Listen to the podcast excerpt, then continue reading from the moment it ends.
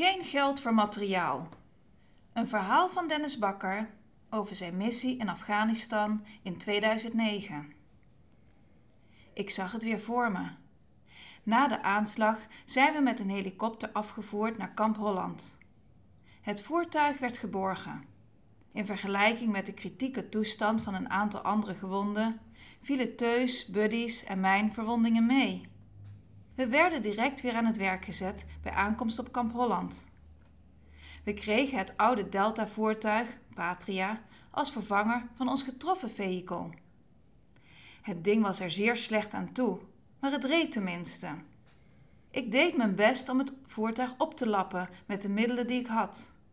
Mankementen die niet verholpen konden worden, noteerde ik.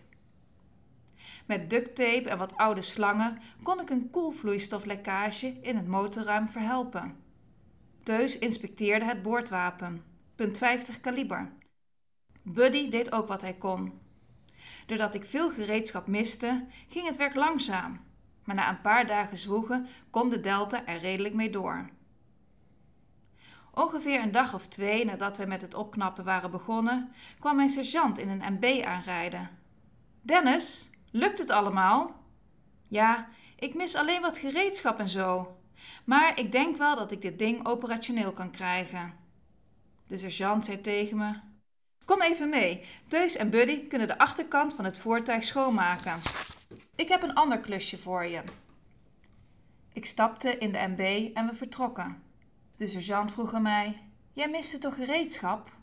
Ik knikte. Ik mis wel wat, maar we kunnen wel zonder een aantal artikelen hoor. De sergeant. Maar aan het eind van de uitzending vindt de handover takeover plaats. Het nieuwe team moet een volledige set gereedschap hebben. Ik zei tegen de sergeant dat ik een militair aanvraagformulier zou invullen, maar dat vond hij geen goed idee. Volgens hem zouden we dat spul toch niet krijgen. Er is niets in het gebied en door bezuinigingen is het moeilijk om nieuw spul toegestuurd te krijgen. Ik knikte en antwoordde: Wat wil je dat ik doe? Ik kan niet toveren. De sergeant nam de laatste afslag naar het voertuigkerkhof en stopte bij de poort. Hij keek me aan en zei: Ik wil dat je al het gereedschap dat je nodig hebt uit het oude voertuig haalt en schoonmaakt. En maak notities van wat je echt niet meer kunt gebruiken door de aanslag. Ik keek hem met grote ogen aan. Meen je dit nou?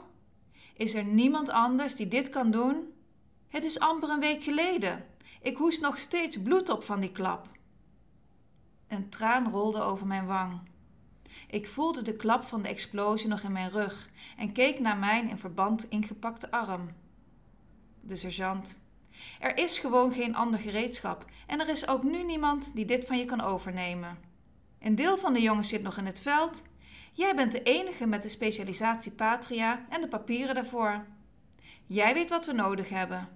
En ja, we zijn gewoon onderbemand. Mooier kan ik het niet maken.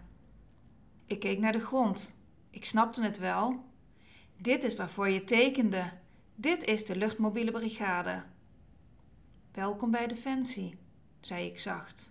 Ik zei tegen de sergeant dat ik het zou doen, maar diep van binnen voelde ik me naar. Ik zette me over mijn gevoel heen en stapte uit de MB. Als een robot ging ik aan de slag, zonder verder in beklag te gaan. Eerst uitvoeren, dan in beklag gaan, werd er altijd gezegd. Ik liep met pijn in mijn ziel naar het voertuig en zag het gigantische gat in de bodem. Het bloed van mijn maten zat nog overal. Ik was misselijk, maar ik kon niet kotsen. Ik wilde huilen, maar liet geen traan. Ik wilde schreeuwen, maar geen geluid kwam over mijn lippen. Ik zag delen van een wapen liggen. Het was van de jongen achter me die zijn arm had verloren tijdens het incident. Ik zag alles weer gebeuren.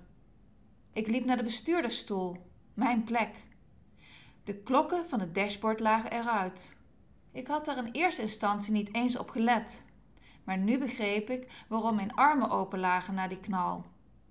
Delen van het dashboard hadden mijn arm opengehaald toen ik uit het voertuig klom om mijn maat te gaan helpen. Ik liep weer naar achter en na een tijdje vond ik het gereedschap dat ik zocht verwijderde het vuil en het bloed en pakte het in. Ik heb dit gereedschap symbolisch met mijn tranen moeten schoonmaken, omdat er geen geld was voor nieuwe spullen.